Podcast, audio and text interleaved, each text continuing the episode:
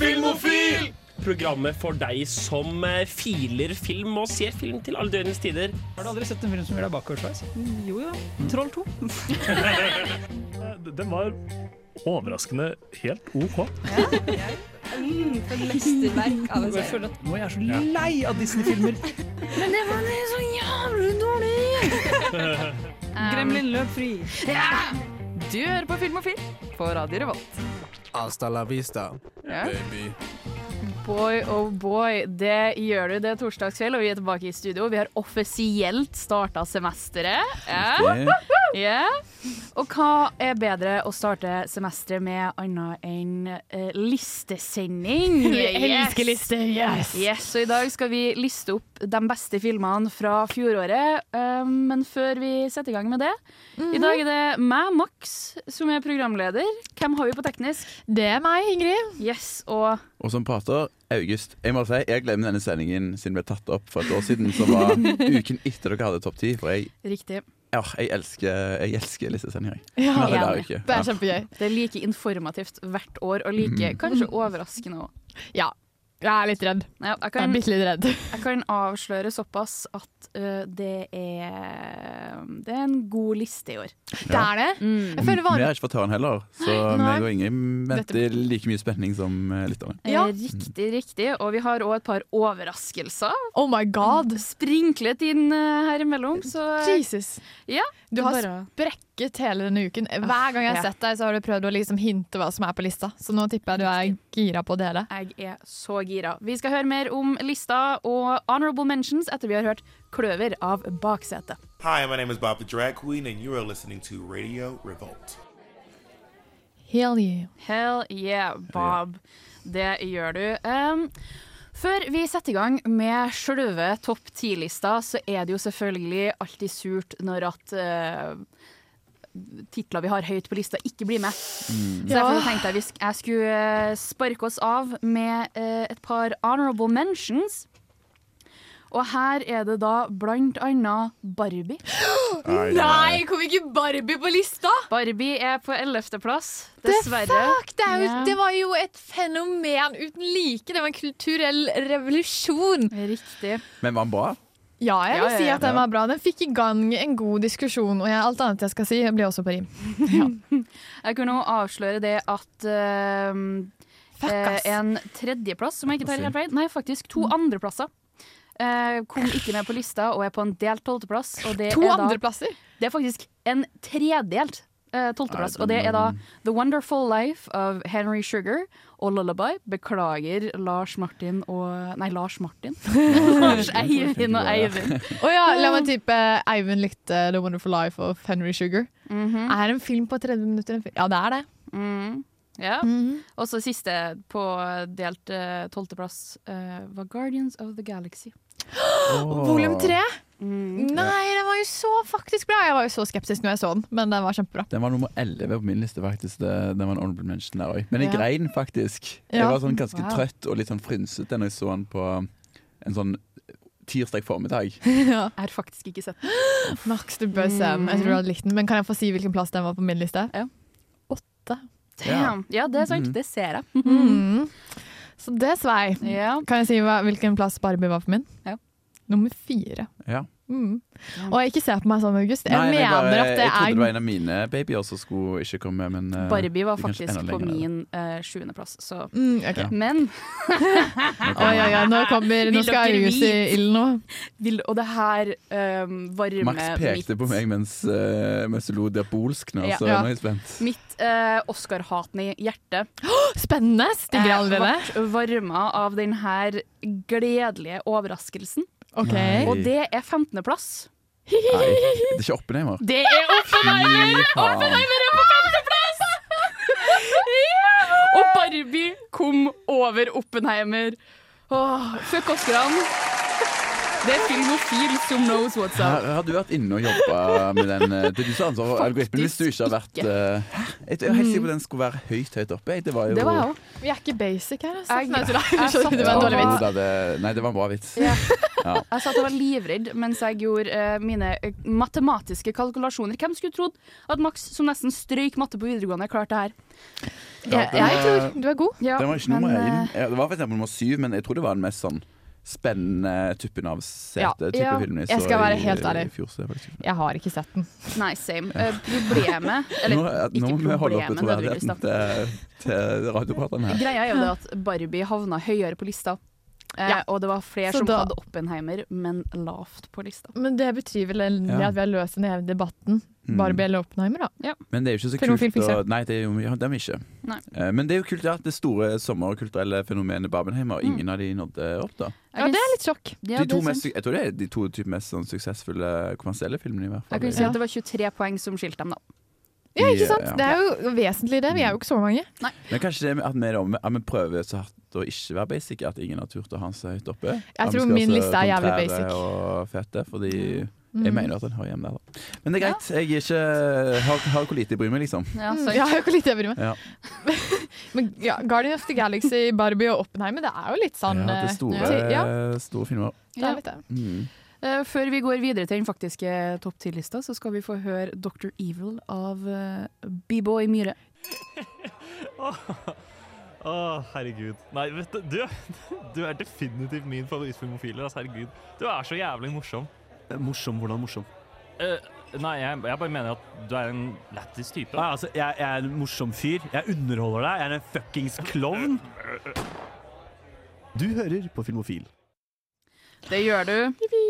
Og nå skal vi endelig få satt i gang med sjølve topp 10-lista. Jeg, Ja. kan- jeg kan jo dele det at eh, topp 10-lista er jo ikke bare basert på min, Ingrid og August sin Mm. topp 10-liste. Det er òg inkluderende tidligere filmofilere Jenny, Lars Eivind og Eivind. Vet du hva, da blir det jævlig wildcard, føler jeg. Eh, Men ja, for å få et bedre datagrunnlag, sant, og det hever Det hever reliabiliteten Riktig. og hva er den andre metodemålet validiteten. Validiteten, ja. ja. Til, til materialet. Så det er bare ja, for Og- og Ikke alle har sett Oppenheimer, liksom. Nei, og populasjonen og representasjonen og Riktig, økologiske riktig. validiteter. Alle, Ja, alle og- gode tingene. Ja, og geografiske mm, Ja. Ja. Anywho, nummer ti. Plass nummer ti, det er en av min og Eivind sine favoritter fra, Eller sin favoritt fra uh, fjoråret. Fjoråret. Nå er jeg spent. Og det er nemlig Kosmorama-filmen 'How to Blow Up a Pipeline'. Ja, mistenkte den ville komme. Hvor, hvor var den på listen deres? Uh, til meg så var den på plass uh, nummer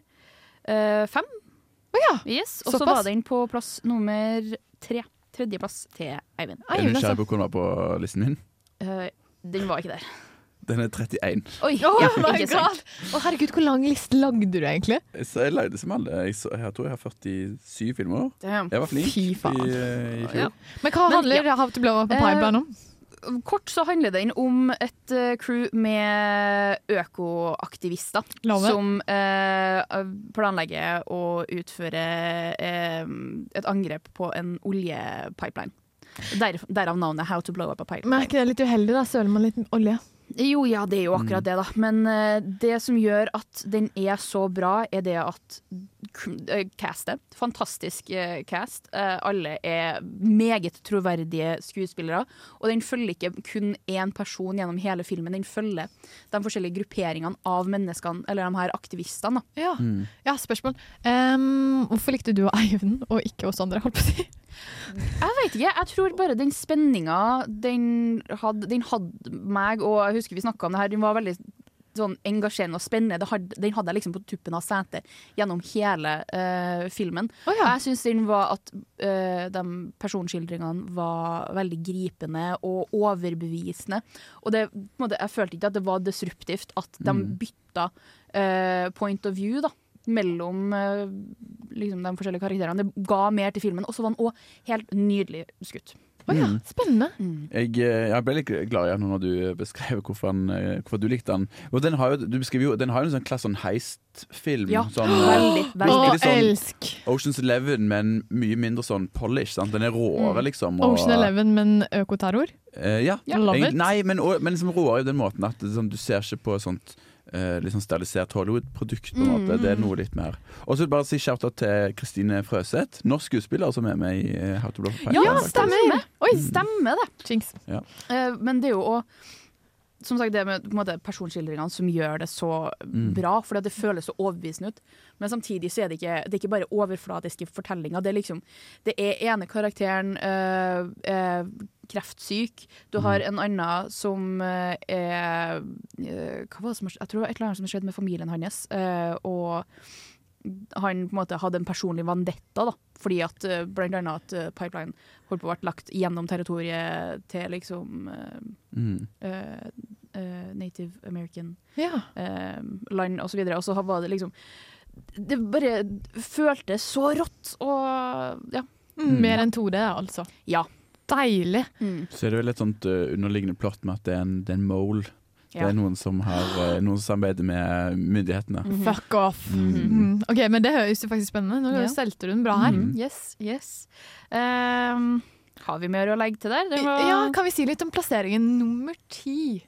nummer ti. Da var den midt på treet for deg, og ca. cirka midt på treet for Eivind. Nei, den var jo på plass nummer tre til oh, ja. Eivind. Veldig langt var ned på treet mitt. Ja, veldig. Meg Det var, det var i røttene Men jeg dine. tror, jeg tror jeg hadde glemt den litt ut. Og så er det sånn, ja, når, når du ser film på Kosmorama, så blir det liksom Det er så mange forskjellige at man glemmer Ja. Du har liksom Mm. din favoritt, og så faller kanskje yeah, og jeg de andre litt i mitt Vi skal røpe det at uh, jeg har andre høy, på, høy, på høyere plass fordi at de har en på en måte emosjonell og nostalgisk nos, Nostalgisk. Ja, Ja, det, er sleit også å merke. Eh, så det er derfor den havna såpass lavt. Eh, Mm. og jeg tror også hvis jeg hadde sett den i nyere tid, så hadde jeg innsett det at å jo, men hallo, den her er jo faktisk bedre, den er mer gripende plottet, Ja. så mye mer utfyllende og, og så videre enn min nummer tre, da.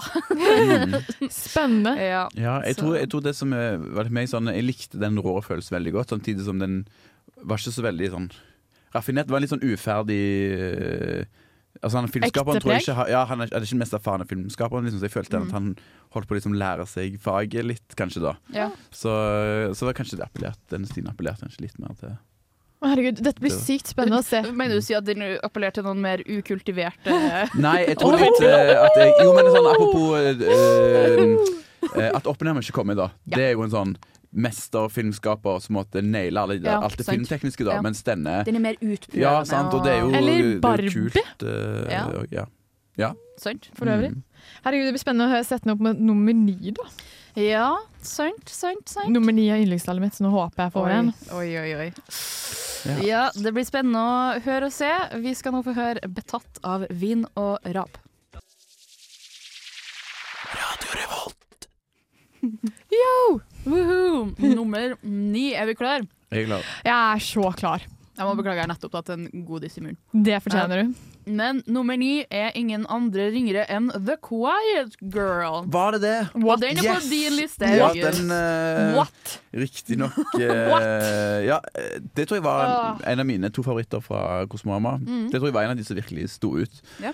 Fortell meg hva din den um, Det er, det er en uh, utrolig fin og varm historie om en liten jente som heter Kate, eller Kate, det er en irsk film der, da. Uh, som bor i eh, Irland på 80-tallet. Og så tror jeg det er Det er dårlige økonomiske tider, da. Og hun kommer fra en familie mange søsken, der det er litt sånn kaotisk og litt sånn to foreldre som ikke er så glad i hverandre. Ordentlig tabbe. Eh, og, og diverse utro far og sånn. Mm. Eh, altså, de, ikke, de ser ikke dattera si så veldig, da. Mm. Og så ble det bestemt at hun skal dra til eh, et familiemedlem, eller på søskenbarnet til moren, eller noe sånt, da. Og tilbringe sommeren der, bare fordi de, de har ikke råd til å ha henne der, liksom. De har ikke råd til å ja. liksom, passe på henne og gi mat, fordi de skal få en, et nytt barn. Så du blir kjørt ut der, og så uh, er det liksom det møtes med den uh, familien her, da. Uh, det er en mann og en kone mm. som bor veldig sånn idyllisk og landlig til. Han er bonde, og hun, er liksom, hun passer på huset. Og så er det bare Altså Den første gangen du ser at den jenta her blir sett, da De kaller det jo Filmen heter Quiet Girl fordi hun er en litt sånn sjenert jente som ikke gjør så mye ut av seg. da Ja. Men så ser man hvordan hun ø, blomstrer, da og den relasjonen hun får til disse menneskene som på en måte har tid og liksom lyst da til å se henne. Og, og hun moren er jo veldig Hun er jo liksom varm og sånn med en gang, da. Eller hun kvinnen, da. Mm. Um, mens han faren er veldig sånn låst og lukka. Ja, men uh, så det er jo en sånn veldig sånn relasjondrevet film, da. Mm. Om ja, veld, veldig fin relasjon da mellom eh, en eh, jente og en sånn farsfigur. Mm. ville du sagt at den er mest trist eller mest fin, eller? Det, jeg vil si den er det om hverandre. Den er ja, definitivt kos, trist. Og så er det jo en sånn Det er jo en deadline her, på en måte fordi han, hun skal hjem igjen til familien sin på slutten. da Og så hadde jo ikke de regnet med å bli så glad i henne som de gjør da. Og så kommer det fram at de har òg mista et barn sjøl. Så, så det er en sånn sorg i huset der, da. Som, Mm. Så hun, hun gjør på en måte like mye for den familien oh, som Som de gjør for Ja, da gjør den den der midlertidige tilknytningen ekstra vondt Mm. for yeah. den. Ja. Og mange sånne små, ømme eh, øyeblikk da Mm. mellom de her karakterene som er veldig, veldig fine. Jeg kan nå uh, avsløre at det her var uh, Lars Eivind sin uh, favoritt. Nummer Eh, uno? eh, ikke, ikke nummer uno, hvis jeg husker helt nummer rett. Eh, jo, det er Number uno! Jeg, unnskyld, Lars Eivind. Oi, Lars. Eivind, altså. Um, men jo, og på grunn av det så skal vi få etter promo få høre uh, Ja. hans sammendrag. Så egentlig så skulle han ha fått eh, introdusert deg. Mm. men uh, det tulla vi til. Vi får Men ja. høre stemmen hans igjen! Og da kan jeg òg avsløre det at det her er en delt åttendeplass. Okay. Oi! Mm. Eller en delt niendeplass. Åttendeplass? Mm. Åttendeplass. Ja. OK, så The Quiet Girl var både August nummer Jeg hadde den et stykke ned, men jeg må si at sånn, jeg syns det var ti veldig veldig sterke filmer fra i fjor, så jeg liker Ja. alle filmene Du enormt hadde den godt. langt ned. Du hadde den på tiendeplass. Ja. Ja. Mm. Det vil si Så- langt ned. Ja, men det var Men da det var et bra filmår. Lars Eivind sin uh, nummer én. Jeg kan avsløre hva den delte åttendeplassen er, så vi får uh, snakka litt om den kjapt før Ja, eh, for alle. Mm. Uh, det var da uh, Aftersun. Ja! Oi! Mm. To veldig melankolske filmer da, som Ja. deler plass. Det var min fjerdeplass. Rekker jeg å si et par ord om den, eller? Ja. ja. Men vi hadde, jo, jeg vil si, vi hadde jo en sending som var litt dedikert til Aftersun i vår. Der vi snakker om minner. Det, det, er jo en, eh, det er jo en eh, datter og en, og en eh, far som drar på tur til Tyrkia. Ja. Og den, eh, der er jo igjen en veldig fin sånn karakter, eller um, relasjonsdrevet film, da. Om de her også denne datteren som prøver å forstå faren sin da i lys av ja, man, man ser jo at han sliter, da. Ja. Så de prøver å finne hverandre, og så går det ikke alltid. Men, eh, men hør vår uh, hukommelse- eller minnesending som hadde Du i år. kan òg få prate mer om den eh, etter låt. Oh, ja, okay. Ja.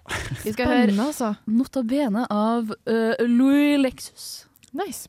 For et program i burra med både klasse og stil. Du hører på Filmofil. Ok, skal vi, bare, skal vi bare starte med å spille av uh, Let's do it. Yes. Da trykker jeg den. Press play. Hei, filmofil. Lars Eivind her. Jeg har eh, sneket meg på toalettet på jobb for å fortelle dere om min favorittfilm fra 2023. Det var The Quiet Girl, som jeg så på Kosmorama sammen med dere. Det gjorde du. Eh, det er en irsk film satt på 80-tallet som handler om en, eh, en liten jente som skal, eh, skal bo hos noen slektninger. Eh, et, et, voksent ektepar. Eh, over sommeren, fordi det er ikke helt plass til henne hjemme hos familien sin.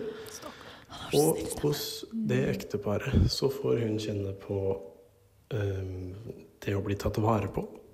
Hun får kjenne på å bli vært, å bli vært glad i, hvis man kan si det. Det kan man.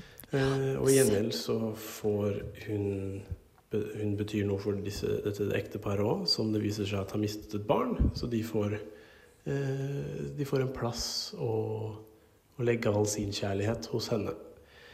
Eh, det er en veldig enkel film på mange måter, sånn stilmessig.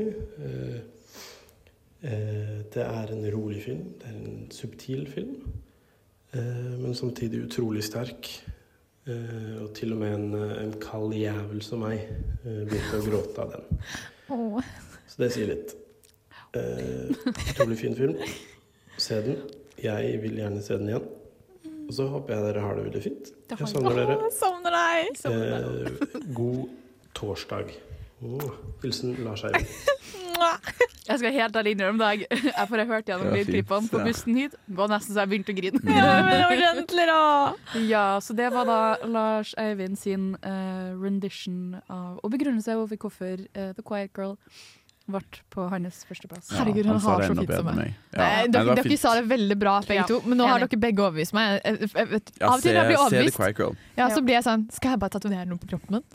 Jeg tenkte, et, et, Dette her var så overbevist. Jeg var sånn Kunne hatt en quiet girl på armen eller noe sånt. Jeg vet ikke. Ja, Dere får se, men, men ingen kyssa mikrofonen og så Lars Eivind, så det var Kyssa du mikrofonen tilbake? Litt sånn Ja, men det er jo sånn radio fungerer, er det ikke? Nei, vi savner, vi savner, vi savner deg, Lasse. Ja. Og vi gjør, så hyggelig å høre at du har både en jobb og en do på jobben. Det er jo så hyggelig. Mm. Viktig med do på jobben.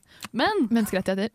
vi har nå fått gått gjennom The Quiet Girls, som var på delt åttendeplass med Aftersun. Har du lyst til å forklare litt mer om hva Aftersun uh... Det ble litt forhasta, ja. Jeg trodde Ja. jeg hadde liksom ett minutt uh, på Nei meg. så um, Jo, men altså, sant. Et uh, utrolig fint, sterkt familiedrama om en, om en far som har utfordringer med det er ikke helt klart, men det virker som det er depresjon og, og, ja, og litt sånn kanskje noe suicidalitet. Og så er det forklart på en måte av en voksen Sophie, altså datteren, Ja. som ser tilbake på denne her ferien, da. Ah.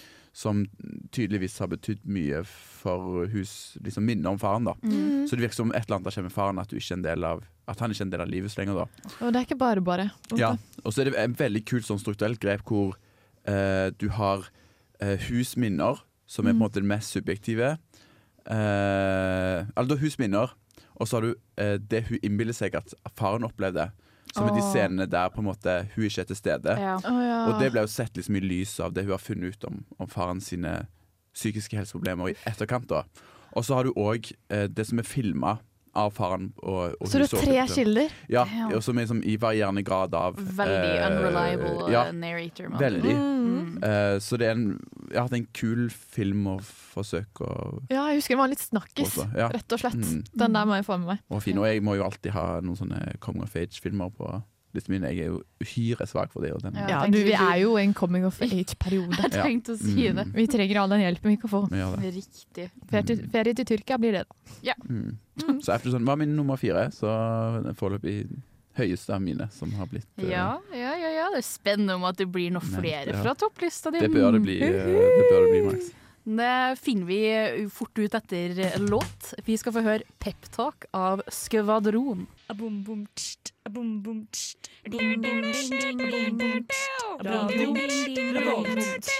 Det er riktig Radio Revolt og Filmofil, og vi har listesending for topp ti siste tiåret. Ja. Til siste eh, tiåret! Nei, siste, siste år!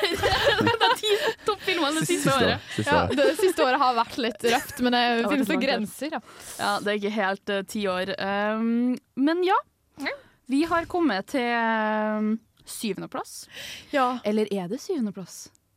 Ja, altså delt åttende og niende, mener Fordi du? Her er det nemlig enda en delt! Og altså, OK, OK. Hit me. August, du har fått prata en god del, men du skal få lov til å ta ordet igjen. Takk! Hvorfor kommer ingenting fra min liste? Fordi Du har ikke sett den? Fordi Fuck you! På delt sjetteplass så har vi nemlig Tar. Nei, jeg var så langt nede! Du, ei, ikke si nei! Den kom på lista! Ja, okay, ja, Nei, bare vet du hva? Du har fått så mye, du. vet du hva? Det er som om du har gått på buffeen og tatt all buffeen, og så er- sitter jeg med mine ønsker, og så ja. Sorry. Oh, jeg har så mye Jeg skjønner Jeg sa det uh, under låt i stad, men jeg skjønner hvorfor eh, Jenny har likt å være listemaster så mye, for du sitter med en så kraft. Bare bli litt autoritetgal, Det er helt lov. Men, Riktig, men- hva handler tar?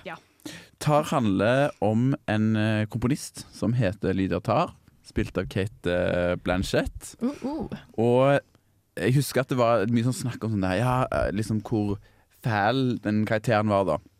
Um, og det er veldig sånn Det, det er liksom et karakterportrett av den, den komponisten her, da, som er sånn uh, I begynnelsen ble det liksom satt opp veldig at hun er et sånt geni, på en måte, og hun er, hun er vel sjefskomponist i Be- Berlin sitt eh, symfoniorkester, på en måte, som er en av de mest prestisjefylte eh, plassen da, Mm. eh, innen det vi holder på med.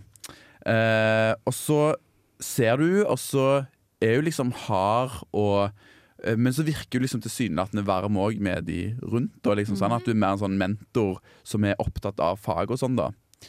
uh, og så høres det veldig kjedelig ut, det høres ut som det bare er en film fra liksom, den klassiske verden, men så blir det et sånt intens sånn mysterie og thriller, da. Bare fordi Oi. det blir liksom nøsta opp eh, flere og flere liksom, aspekter med karakteren til hun Lydia Mm. Terr, da.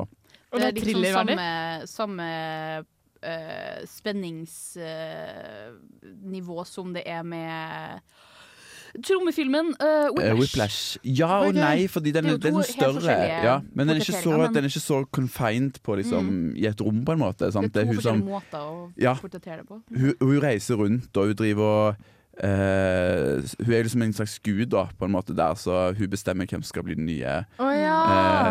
Altså Hvem skal få den plassen i symfoniorkesteret, og så har hun en bok som skal slippes, og alt dette her, da. Mm. Så hun er jo en sånn Man ser jo at hun er bare en en narsissist, da. Sant? Uten like. Som, ja, som har veldig lite følelser i seg. ja Det, det er på en måte, du har to forskjellige uh, måte, sider av den her narsissistiske stormannsgalheten i Whiplash og Tar. Fordi oh, ja. Ja. Whiplash er jo studenten sitt perspektiv, mens Atar Tar er læremesteren. Spennende. Mm. Og jeg var sånn, hvordan blir dette en thriller og et mysterium? Ja, det er fordi det er, det er Hun blir som hjemsøkt med Hun får, hun får mye mail fra en sånn tidligere muse, da. Oi. For hun er ei som eh, Hun er gift med en dame som er i orkesteret. Men så virker det òg som hun er en som liksom bruker opp litt folk rundt seg. Da, sant? Så de her assistentene kanskje har hatt et romantisk forhold til de, kanskje ikke. Og så er det ei som er helt sånn besatt av henne, sånn, sånn her, eh, så åpenbart har blitt Hun har kutta ut av livet sitt. Mm. uh, Så får man vite ganske tidlig at hun har tatt sitt eget liv. Da, så er det som, nesten som om hun har et sånn spøkelses, en slags spøkelsestilstedeværelse i filmen. da okay. Som bare er enormt kult, for det er en sånn den er liksom satt i vår verden, på en måte. Mm. Mens han òg Man er òg i hodet til hun Lydia Terr, da. Mm. Selv om hun på en måte ikke har lyst til å slippe noen inn. På et vis, sant? Så det er noen enormt kule scener. Og den er veldig sånn kaldt og rått fotografert. da Litt sånn, eh, litt sånn, litt som en Kubrick-film. eh, Det minner litt om den der eh, Ice White Shut, faktisk. Oi, såpass? Som uh, regissøren Todd Field spiller i òg. Så det er som Mm. åpenbart han har henta en del sånn inspirasjon. da Herregud. Uh, det, var det, det var det jeg kom på. Det, Ja. Dette er jo òg en Kosmorama-film, så Ja. det er jo et år siden jeg har sett den. nesten Ja, men det var jo en Oscar-film, så den var jo på Kosmorama fordi Det var det var. Mm. Oscar-program. Så den Ja. kom jo ut veldig tidlig. Eller den hadde amerikansk eller internasjonal premiere i 2022, Mm. og så hadde den eh, norsk premiere i 2023. Mm. Og det er derfor den da har mulighet til å være på lista vår. Ja, for Ja. vi tar ut ifra norsk. Ja. Ja. Riktig, riktig. Så dette eh, det, er, det var min nummer én, så jeg syns Ja. dette var en helt fantastisk film. Riktig. Eh, jeg skal se den eh, igjen, men eh, den står litt i kontrast. Nå har vi snakket med en del sånn filmer der det er måte eh, relasjoner som står i fokus, men her er det et sånn veldig tydelig bare et sånn karakterportrett av en veldig fascinerende og fæl Mm. Men det dame. er jo narsissistiske relasjoner. Mm. Ja. Herregud, og så spennende. helt sånn enormt bra spilt av uh, Kate Blanchett. Så hvis noen andre vinner Oscar, så skal, skal jeg bli voldelig. Oh, ja, på beste uh, kvinnelige hovedrolle. For den var, hun spiller så sinnssykt bra. Men det virker som den er verdt plassen sin, for å si det sånn. Ja, det burde Tøye. Ja, ok, ja. okay. Uh, men ja, vi skal høre mer om uh, den delte sjetteplassen etter vi har fått hørt Barn Swallows av Olav Vollo. Applaus. I'm Neil Marshall, and you're listening to Filmophile. Yes, eh, you're listening to Filmophile. Og så nå er det nummer si, si, seis. Nå er det nummer seis. Etter. Seis, ja. Ja. Eh, og det er da min nummer én! Oi! Okay. Nå er jeg spent. Og Iris Ingrid sin nummer ni. Det er Saltburn! Hadde du den på nummer én? Ja. OK.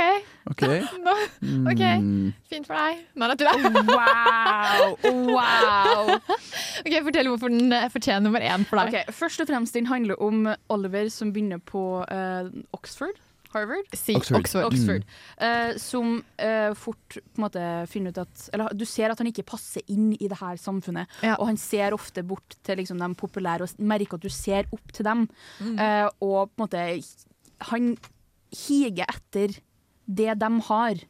Eh, og han klarer å bli venn med en av de mest populære. eh, Mhm. og rike, som heter Og Philip. Diggeste òg. Ja, og diggeste, spilt av eh, Jacob Elordi, og det her er jo uh, Barry Keoghan som spiller uh, Oliver.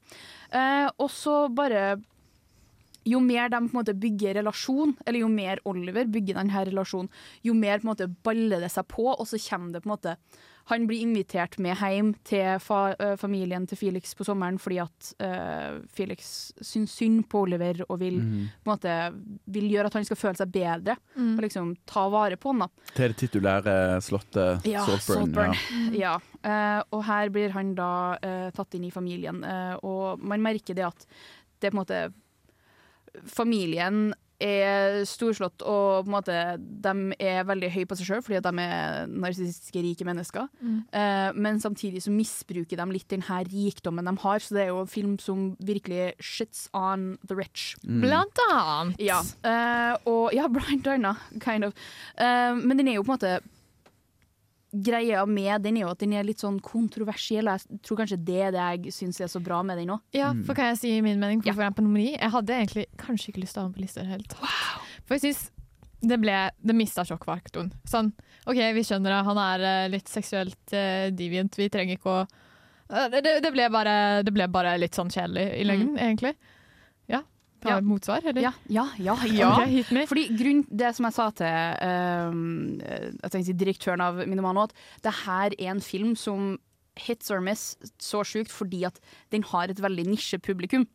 Uh, den er på en måte ikke It's not for the streets, Den har en veldig skjev, et skeivt blikk, og det er ja. på en måte Du ser veldig mye av det Oliver gjør. Er, han påstår jo det at han ikke er forelska. Og at uh, han er glad i henne, men han er ikke forelska. Men veldig mye av det han gjør, har liksom det skeive eh, er det, Analogier, skal vi si. Symbolisme. Men virkelig, for jeg synes den var litt sånn predikabel. Man skjønte jo litt hvor den skulle gå. Oh, ja, ja, ja. Og jeg tenkte at han genuint ikke følte kjærlighet, fordi jeg tenkte at den mannen der har litt eh, man with a plan and not with the emotions, Ja, det er jo definitivt det. personlighet. uh, Ja, jeg tror det var det, akkurat det med de Ja, akkurat det synes jeg var vanskelig å, Mm. å vite hvor man hadde hovedkarakteren. For det var liksom det er litt Noen ganger så følte jeg at filmen ikke klarte å bestemme seg for om han elska bare... disse menneskene og hadde lyst til å være med Nick eller eller, eller om alt på en måte var noe kalkulert, og han som på en måte ville ta til seg det her, da. Mm, og jeg tror det er akkurat det jeg liker med deg nå, for at du, det er så vanskelig å se Mm. eh, hvordan han stiller seg. Men òg fordi jeg likte noe veldig godt. Eller, ja. Ja, så det er kanskje litt digg da, at man kan komme inn og se med sine øyne, og så får man litt forskjellig ut av det. Mm. Så kanskje derfor jeg ikke fikk sånn altfor mye ut av det, fordi jeg bare tenkte oi, sjokkerende, oi, sjokkerende. Ok, Ja. det er greit. Han har en plan, eller har han det? Jeg vet ikke. Kjøper jeg det? Vet ikke. Ja. Mm. Jeg syns- Jeg syns det var det som på en måte var så bra med filmen òg. For at Ja. du sitter der sånn Du kan sitte og kverne på den så lenge og være sånn Men hva var intensjonen bak den handlinga her? Mm. Hvorfor gjorde han det her? Uh, men også Jeg var jo poeng. Ja, men jeg var jo også en a Greek mythology kid. Ja, Ja. Eh, det og det er jo sant. Mm. veldig mange eh, på en måte Eller sånn sym, det er veldig, Den er en veldig symbolismerik film. Så Mm. du ser jo eh, til Den hinter til Ikarus, til myten om Minotauren osv. osv. Og de mytene er jo òg sammenkobla. Mm. Uh, fordi det var jo ja, Jeg trenger ikke å gå for dypt inn på det, men ja, jeg likte den veldig godt. Ja, og så og syns jeg den var fint filma. Kick-ass dansescene. Ja, og Det var musikk, fantastisk. Det var beste denne filmen. Nei, men, musikken var jo dritbra. Ja. Ja, og så synes jeg også, Du snakket om greske tragedier. Jeg syns at han eh, lånte en del fra sånne moderne klassikere, klassikere ikke òg, fordi du har den der Tidvis så følte jeg at jeg så på en slags sånn Call My Name-inspirert mm -hmm. Name-inspirert film, når det var liksom den her kjærlighets... Eller er det en kjærlighetshistorie mellom eh, Oliver og, Mhm. og en andre? Og så var det òg litt sånn Plutselig var det litt sånn The Talented Mr. Ripley-aktig, når du yeah. har denne her posøren da, sant, som vil liksom ta til seg det som yeah. han ikke har. da Og så har du hint og på en måte Du har under på en måte Under eh, Hva det heter det da? Undergreier av, ja, av uh, The Shining òg. Ja. Ja. som jeg hintet til. Og så er det på en måte ja. det, det er så mye med de uh, familiære relasjonene som man kan sette spørsmål ved òg. Med liksom familiedynamikken av uh, The Callows, eller nei, The Cotton. Cottons? De rike kidsa. Rike ja, de, rike, de rike folkene. De, det, er bare, det er så mye man kan på en måte sitte og grave og undres over. Så det, ja. Katten, ja. Ja, ja jeg, en, veldig, en av de mest engasjerende filmene, i hvert fall, uh, om ikke annet. Mm. Jeg tror, den var ikke topp ti for meg, men den var jo ja, Og så elsker jeg det estetikken. film. Ja. Ja. Mm. Y2K, fuck yeah. Mm. Oh yeah. Yes. Men ja, nå skal vi høre uh, liste, for vi, nei, liste, vi skal videre med lista, så vi skal høre låt. Uh, så vi skal nå få høre Get By av Atari. Halla, Vidar-Lill her, og du hører på Radio Revolt. Max fortsett å leke sånn gud og være sånn «Øh, Vet du hvor mange, hvor mange filmer tror du du har på listen din, August? Ser du lista mi i Ja. visjonen, eller? Ja. Eh, Men jeg delte i låta, eller under dobbellåt, at Å, ja, forresten, siste låta vi hørte, var Viktig info. Meiko av Uggen form. Nice. For den som er interessert i musikken vi spiller. Ja, Tittelen er viktig info. Ja, ja, ja. Eh, Men eh, for den som er interessert i innholdet av sendinga. Som pappa bare skipper. Nei, Ja, riktig. Men først og fremst et filmprogram, ikke et musikkprogram. Det eh, er Men vi har riktig. klasse til. Ja, det har vi. Eh, Og um, Ingrid, Hei. kan du fortelle oss litt om femteplassen? Min femteplass? Nei, femteplassen på den sammenlagte. Faen, jeg hadde vel lyst til å snakke om min femteplass. Ok, Men hva er femteplassen på den sammenlengte, da? Femteplassen på den sammenlagte lista er nemlig 'Killers of the Flower Moon'.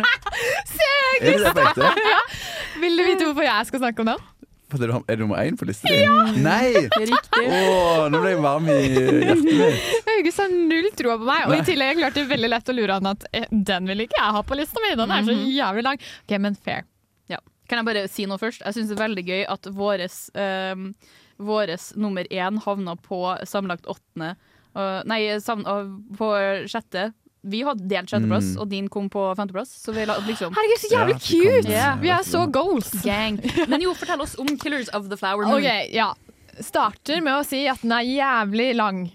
Kan argumentere for den er urimelig lang. Det er liksom Hvem har lyst til å sette av tre og en halv time for å se på traurige greier? For la oss være ærlige. Men eh, grunnen til at jeg har den på førsteplass, Ja. etter mye om og men og usikkerhet, Mhm. det er fordi at den er eh, en veldig god eh, fortelling. Mm. Eh, det er en viktig fortelling. Eh, men også er det liksom Du sitter her, og så føler du litt sånn uggen stemning. Og det kan jo kort si at det er, handler om Oi, kan man si Native Americans? Hvordan sier man det på norsk? Amerikanske, den Amerikanske amerikanske urbefolkningen Ja. Mm. har fått, um, funnet olje, en del av dem.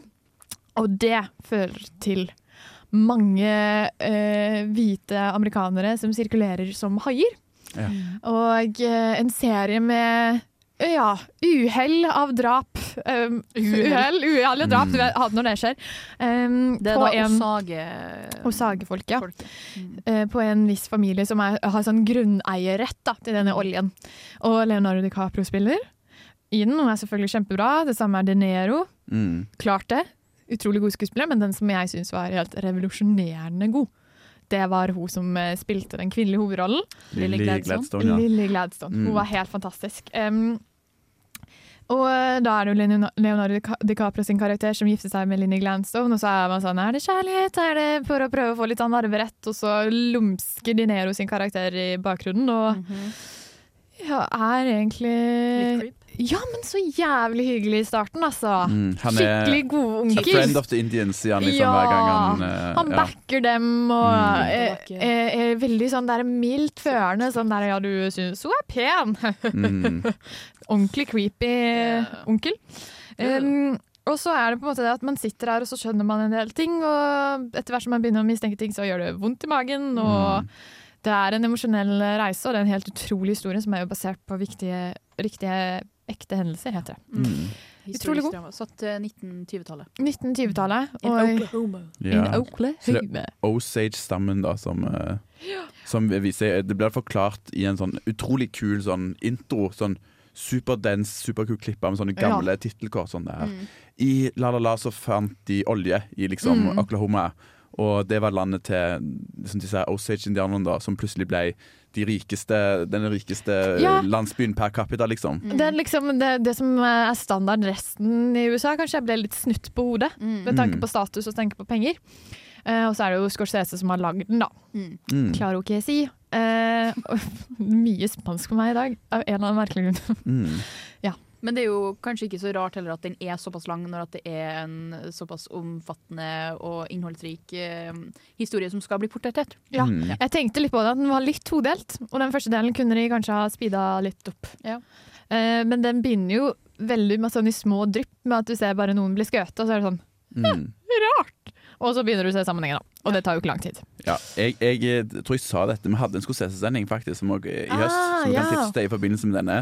Jeg er jo den leiren som syns det er helt konge at vi gir Martin Scorsese 200 millioner dollar for å lage akkurat det han vil, nesten Ja, uten glem noe inngrep. kur på ulike sykdommer. Gi den Mm. mannen penger. Men det er jo så kult, fordi han, han er jo en Det er jo som krimfilm han er mest kjent for, egentlig. Sant? Sånn Mhm. gangsterfilmer. Og så skjønner man det at dette virker som en sånn historisk dramafilm. Og så Ja. er det jo egentlig en slags krimfilm. Det er- det, det er jo det. Det er, det er liksom Ja, det er jo eh, disse her hvite mennene som driver og skimer og utnytter Uh, og utnytte Osage-stammen. og det er jo en fortelling om ondskap, egentlig. og det er så utrolig bra utforska, syns jeg. Ja. Mm. Og eh, brutalitet uten like. Mm. Yes, eh, vi skal snakke Uten å glorifisere. Sorry. Vi skal snakke om mer ondskap senere, kanskje. Vet Who knows? Eh, men før det så skal vi få høre Black Grass av Goatmilker. Hi, I'm Mick Garris. I make movies and television. I write books and I host a podcast. And you are listening to Feel More Feel. Oh, Mick Garris. ja, love. Vet du hva?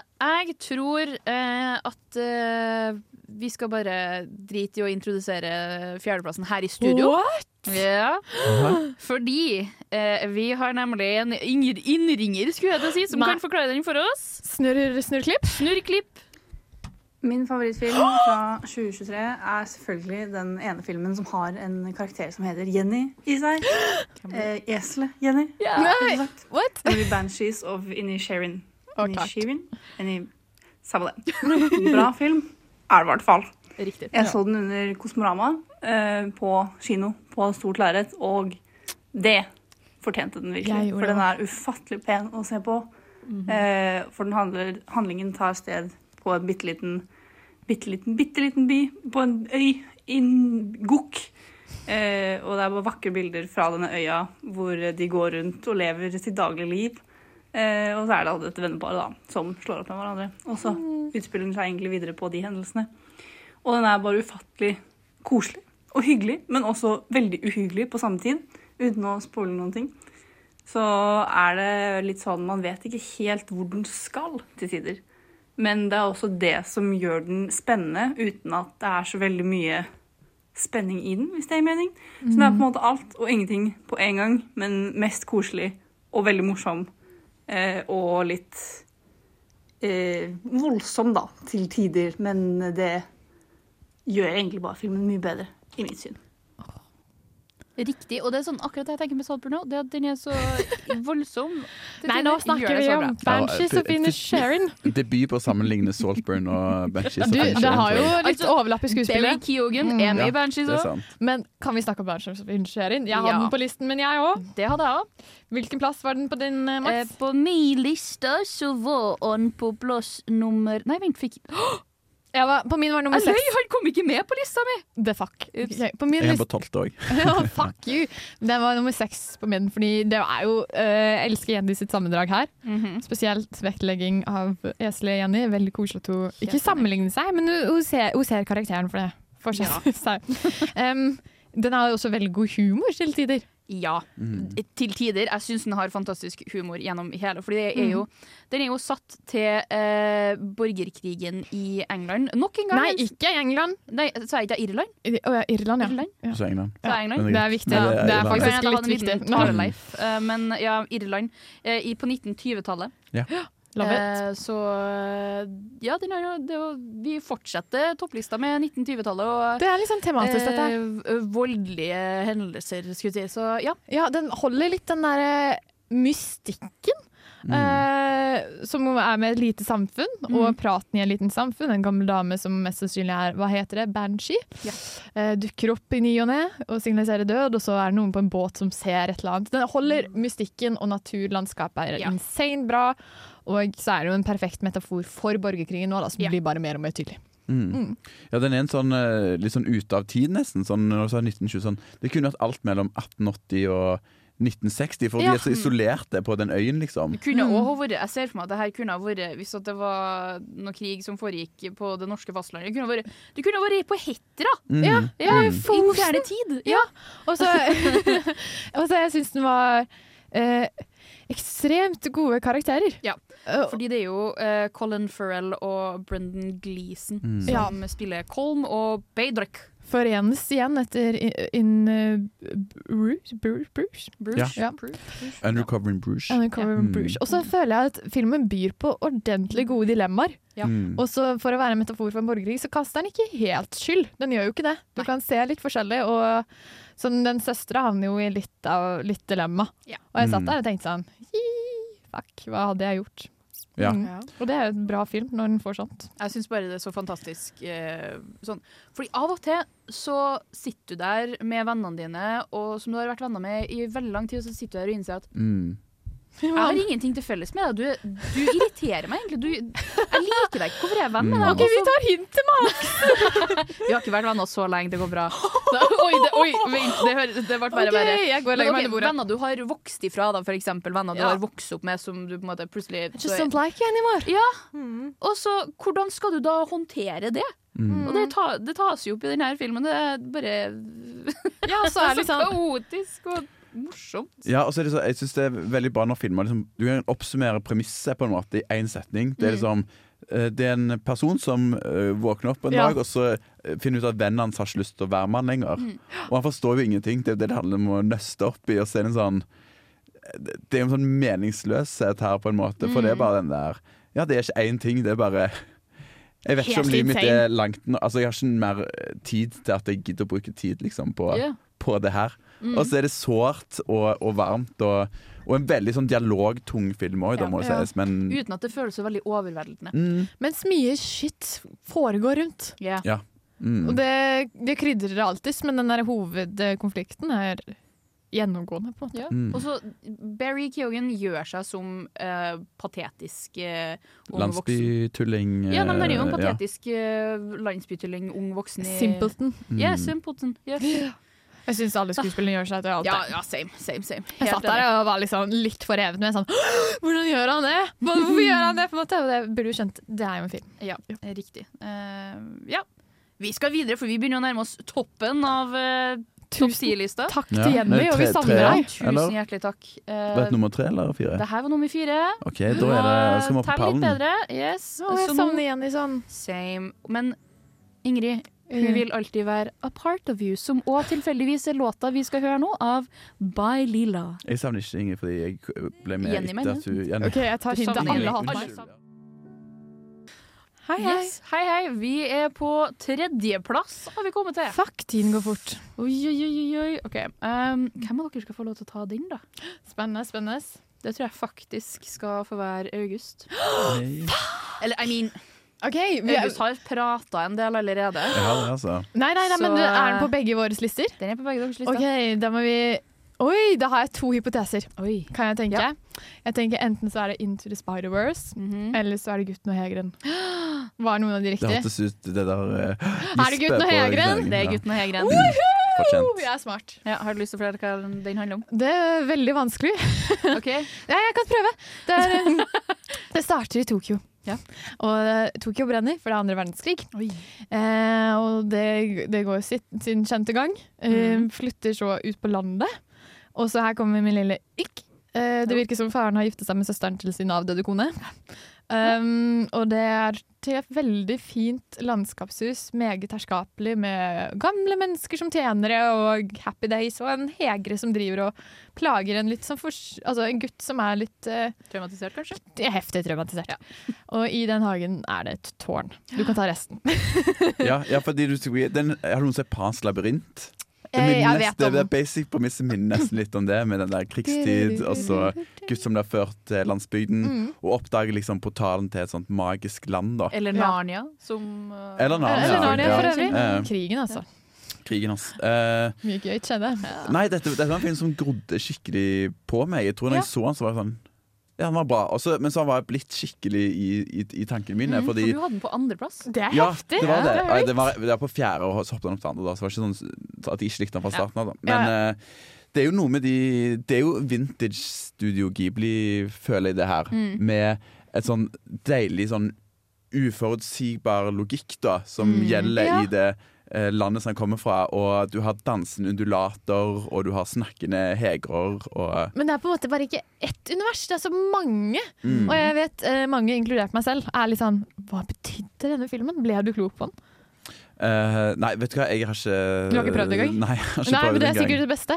Men det er jo, men det er jo sånne allegorier man kan snakke om. Da. Du har jo uh, et sånn selvbiografisk komponent, tror jeg, fra Ja, Miyazaki. For det er vel en ti-tolv år siden han lagde film forrige gang. Hadde egentlig slutta. Så han kom Mm. tilbake, og så er han så utrolig liksom, vital og idérik at det er Mm. helt sykt at jeg kan komme fra en hva er han, nesten 80 år gammel uh, mann. Det skal sies da at uh, tittelen var uh, Hva det heter den, da? Uh, announced Annonsert, eller uh, var Ja, annonsert Ja. i 2017 allerede. Å, Ja. gud a meg. Targeting a release around the 2020 eh, olympiske leker. Ja, det skjedde jo ikke. Og det kan man ja. jo si om eh, animasjonen òg. Den ser jo helt nydelig ut. Så det ser jo at det er en Slående. film som de har brukt tid på Ja. å lage. da Og den ble jo, den, grunnen til at den ble, kom ut så seint som den gjorde, er jo fordi at eh, pandemien. Ja. Ja. Men det var så enormt mye som hendte den filmen, syns Mm. jeg. Men er det sammenligna i forhold til på måte, hva som til vanlig foregår i Ja, Ghibli-filmer? Så hvis du tenker deg Spirit Away, eller Mm. forresten eh, sånn House Movie Castle Mm. Der så, Du blir introdusert eh, til hovedpersonen i et ikke så interessant sted, og så går denne personen til et veldig interessant sted, og så er det den stedet og ev ev- evner med det stedet som blir utforska. Men her er på en måte eh, introduksjon til person, traumatisert.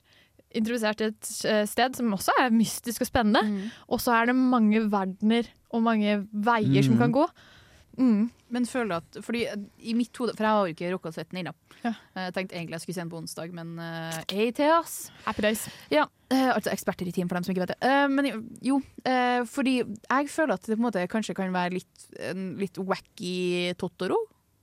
Nei, du kan få svare på den. Den er høyere på din Eh, liste enn min. Ja, men jeg bare Nei, jeg var, du forklarte det godt med det der. At det, det føles som en sånn, sånn episk reise som er litt større enn det uh, Shihiro-heksene og, og Totoro er. Fordi som jeg opplever litt mer Ja. eh, intime. Sant? Litt mer sånn confined. Du oppdager Ja. ett stort mysterium. Her liksom snubler Mm. man ned fra ett mysterium til annet, og du får nesten ikke svar på hva som var det forrige. Noen gang. Så det er ganske høyt tempo, og du blir introdusert til nye ting og nye mekanismer hele tiden. Så det er mye åpne fortellinger. Ja. Ja. Soft verdensbygning til de storeste. Også fugler er jævlig skummel. Ja. Men, så, men så dere eh, engelsk eller eh, japansk? Japansk er det. Japanske. Ah, Mm. dere fikk ikke hørt R-Pats! Nei, stemmer det. stemmer. Jeg har sett klipp Trist. på eh, Instagram. Stemme, stemmeskuespiller Mm, hans i Men han er bra, han japanske uh, den, ja, jeg mener, man altså. kan ikke si Mm. at noen uh, japanske voice actors egentlig er dårlige, fordi de er the kings and queens and the regents av uh, voice acting, rett og slett. Nei, men det, jeg må bare si, det, det er sånn, For meg er han helt på høyde med Shio-heksen og min nabo Totto. Det er såpass, ja. Jeg Så tror ikke det er det sånn- for meg. Jeg synes det er helt fantastisk at man liksom kan få en film som på et vis hører hjemme liksom 20 år tilbake da, i Ja. år, som er veldig sånn Jeg tror det er den svakeste Studio Ghibli-filmen, i min mening. da. Damn, Oi, så- det ansiktsuttrykket til Ja, nå August var ikke jeg, enig. eh, jeg ble veldig provoserende, faktisk. Ja. Men man kan si da at uh, gutten og hegrene In Your Mind, August, som er låta vi skal høre av uh, Le Maître. Riktig. Eh, Mamma? Ja, vennen? Pappa? Ja? Jeg har akkurat uh, sett Pulp Fiction på rommet mitt og funnet ut at jeg er filmofil. Du hører på Filmofil. Det gjør det du hører på Filmofil, og vi har kommet til andreplassen allerede. My god. Åh. Tiden har gått. Åh, tida flyr når man har det gøy. Eh, og vet dere eh, hva annet det er som eh, flyr og har det gøy? Har det gøy? Det er nemlig Kan det være Spiderman? Det er Edderkoppen, selveste Det er det, fordi nummer to Andreplassen på vår sammenlagte, sammenlagte topp ti-liste er da Spiderman Across the Spider-Verse. Som er oppfølgeren til Into the, The Spider-Verse, som kom ut i 2018. Ja. Er det lov å si en av de minst uh, overraskende på en måte at den var på listen? Sånn, jeg Eh, jeg syns jeg syns alle jeg har snakket med, bare syns Across the Spider-Verse var en fun time at the movies, på en måte. Ja, men det er jo ikke bare det at plottet er så bra, og at Mm. måten, måten de inkorporerer multivers i Mm. filmen, Mm. er som, for min del som medieviter superartig, fordi på en måte den tar Alle syns det er artig, altså. Jo, jo, men liksom, du tenker på transmedialiteten til, et, eh, til en franchise, Ja. Mm. og det at de klarer å inkorporere det i film, liksom i ett eneste medium, det er så artig, syns jeg. Men så har du òg det faktum at animasjonsstilen til Into the Spider-Verse var banebrytende, og det fortsetter de med i Mm. Across the Spider-Verse. Fordi i Into the Spider Unnskyld, nå bare rant jeg on. Hva handler, hva handler Ja. Across Spider-Verse Ja. om? eh? Ja, eh, skal jeg ta den? Jeg kan ta den, jeg. Du gunn på. Ja, det handler jo da om uh, vår kjære Miles som- Morales. Miles Morales, som uh, er i sin Earth 1610 i Brooklyn. Uh, men så får du da i filmen her et større innblikk i Gwen Stacy sitt liv, som da er eh, Spider-Woman. Men ja, Miles Morales er fortsatt hovedperson. Ja, ja, han er fortsatt hovedperson, men du får et større innblikk i Mm. eh, hennes liv. Uh, og det som skjer, da det Hovedhandlinga tar jo plass i, uh, på Earth 1610, hvor det er en mad scientist som går amok igjen. Wow, such a surprise i Spiderman-universet.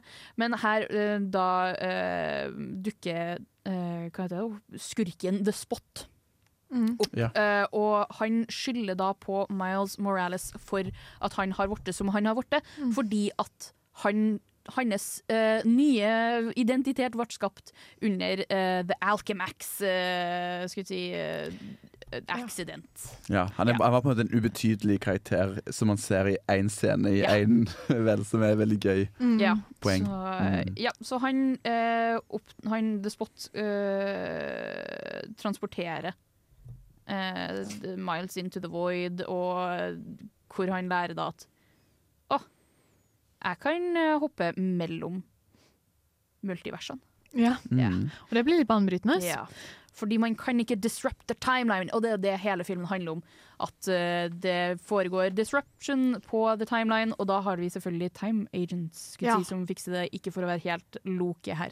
Ja, det er litt sånn vanskelig å forklare denne filmen, for det er så mange ulike karakterer som Mhm. kommer inn. Mange ulike synspunkt, og så virker det som om det er en eller annen form for eh, rar fagforening her. Og en eller annen Det er jo det! Det er jo det. Eh, og en liten samling for visse typer superhelter. Og så er det en eller annen litt sånn uh, dramatisk badass leder. Mhm. Spilt av uh, Veldig bra spilt, kan man si. Som, altså, det må man bare si av Oscar Isaac. Alle som spiller Ja! i denne Mm. filmen, er fett for rollene de får. 100% Utrolig imponerende. Og så Oscar Isaac sin karakter blir jo litt sånn problematisert og nyansert, og mye humor. Mm. Mm. Mye, mye humor. Ja, Jeg si, det som jeg mener en av styrkene, og jeg skjønner ikke at de får det til, men de hiver så utrolig mange vitser Ja. og liksom kulturelle oh, ja, ja, ja. referanser til Det, det finnes jo liksom 80 år eller noe sånt med Spiderman-law. det transmedielle aspektet! Ja, sant? Og du, må ikke, du må, og du kan komme inn i den uten å vite noen ting, Ja. liksom, og ha det liksom like gøy. Mm. Uh, og så er det sånn som du sier, det at, de, at det er multiverse, det gjør jo at en leker en del med animasjonsstilene. Mm. Som på en måte gir enda et aspekt som kanskje én ikke hadde det. Ja. Men det at de, det er forskjellige karakterer som lever i forskjellige universer. De klarer å Mm. differensiere mellom de forskjellige karakterene med både animasjonsstiler og animasjonsteknikker. Det er sånn, å, Det er må så bra. Brown. Må også slå et slag for selve historien, og at Ja. de Mm. imens de balanserer alt dette her, klarer å faktisk berøre ganske ømt problematikk. Mm. Og enormt eh, fine fortellinger og tredimensjonelle karakterer. Mm. Og ikke minst at de òg da tar og klarer å I denne oppblomstringa av så mange forskjellige historier som blir fortalt, så klarer de å knytte tilbake til plottet og ting som skjer i første filmen. Mm. Enormt bra. Jeg er så Ja. glad at vi fikk den på topp tre. Helt enig. Og så Eh, mye hjerte òg, må det være lov å si, i forhold til liksom, hvor 100%. sykt mange handlingsmomenter og karakterer liksom, man skal gi oppmerksomhet til. Sitter på toppen får så setet hele tiden. Yes, Mm. riktig. Eh, vi skal straks komme til førsteplassen. Hva kan slå Spiderman into oh, Spywars? Who knows, who knows? Uh, før det Skal vi? Nei, Nei. Før det så skal vi få høre Where's My Head At av Basement Jacks og 100 Gex. Jeg heter Fetisha, og du hører på Radio Revolt.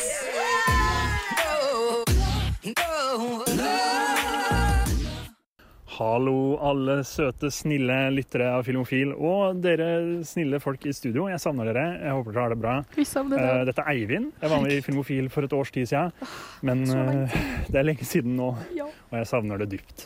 Eh, jeg skal snakke om eh, min favorittfilm fra 2023, som heter 'Past Lives' av Celine Song. Det er en spillefilmdebut som faen meg er helt crazy. Dritsterk debut, syns jeg. Mhm. Eh, den handler om Nora og Hei Sung, som er to sørkoreanske barn som vokser opp sammen før Nora flytter til USA som åtteåring. Og så møtes de igjen 20 år senere.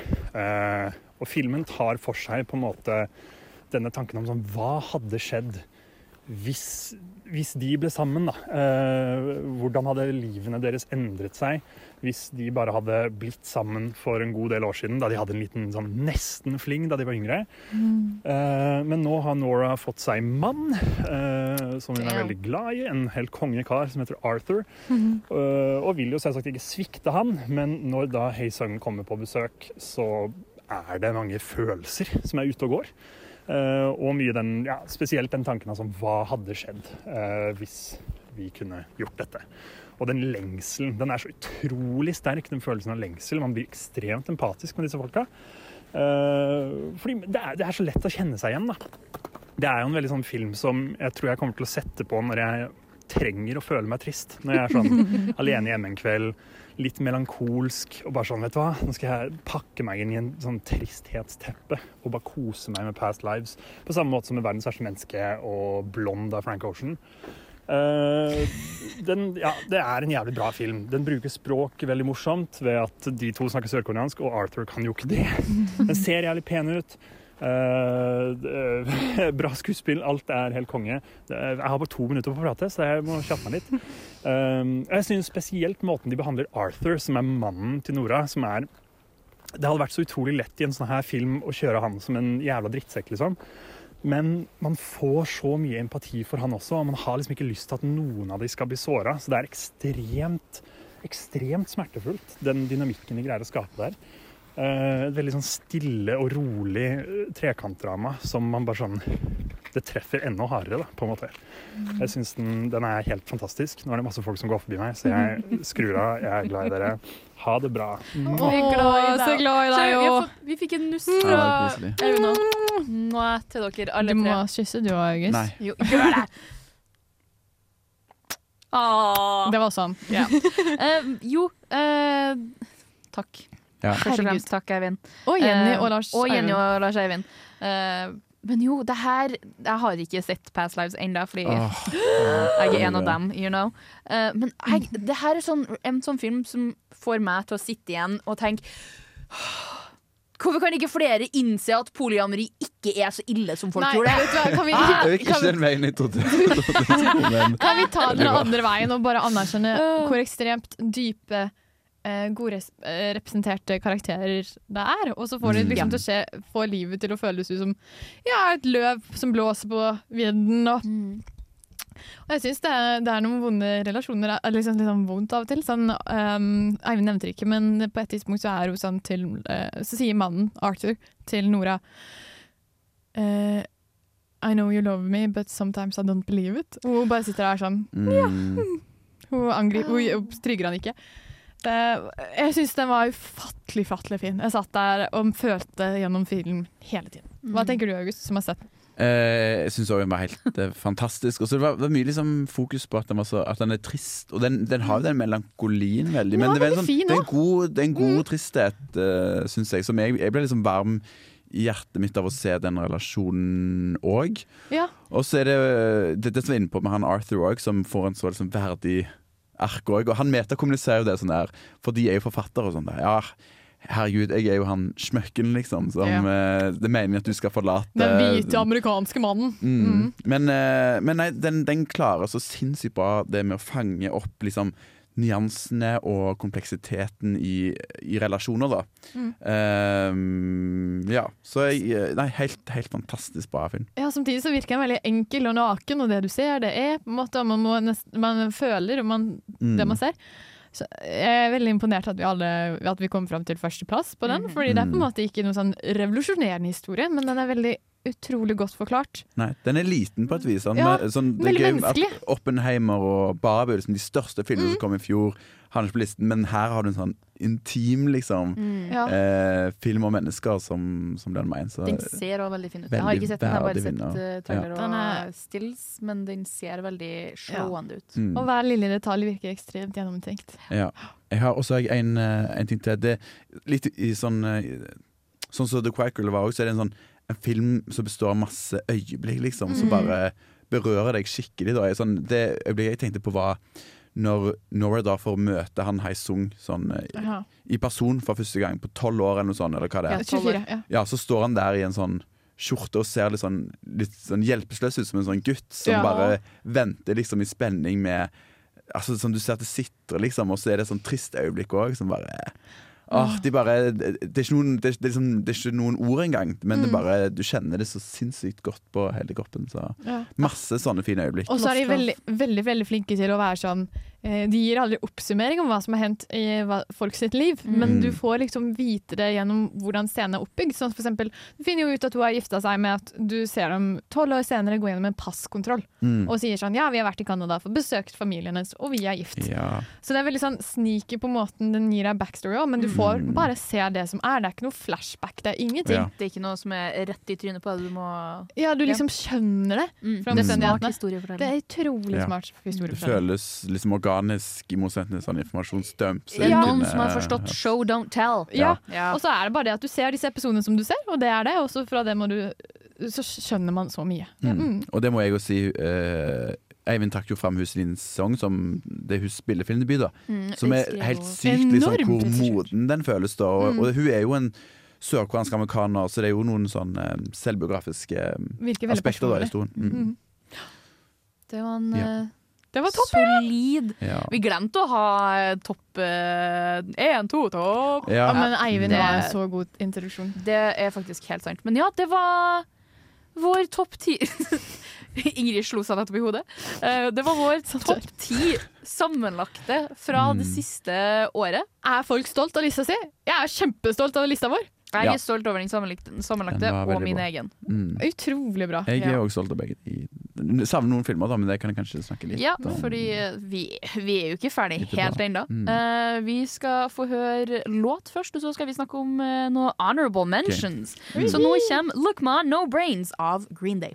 Hi, my name is Claire Cooney. I'm the director of Departing Seniors, and you're listening to Filmofil on Radio Revolt. Riktig. Filmofil.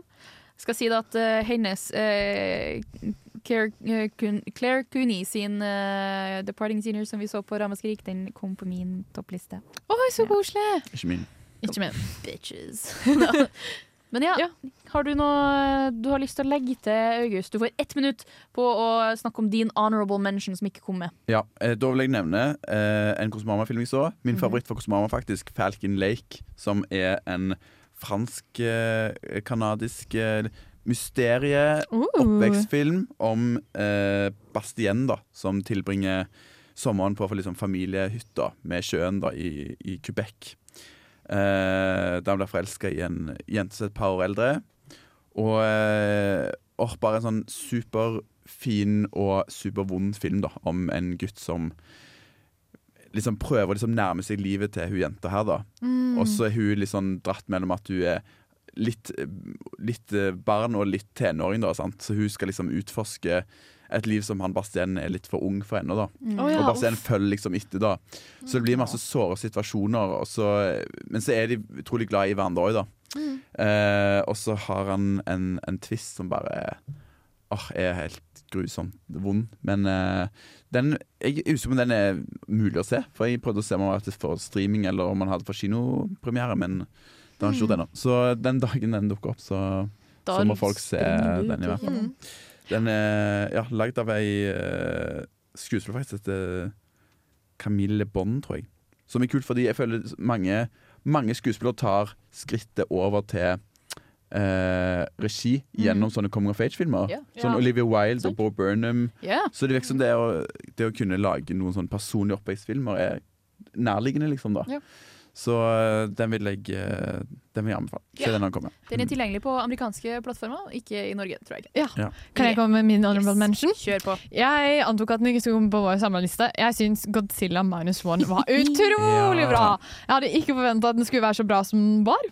Mm. Den går på eh, kino nå, har iallfall gjort det. Yeah. Uh, og den er på en måte den, eh, den er ikke en prequel til den originale Godzilla, tror jeg.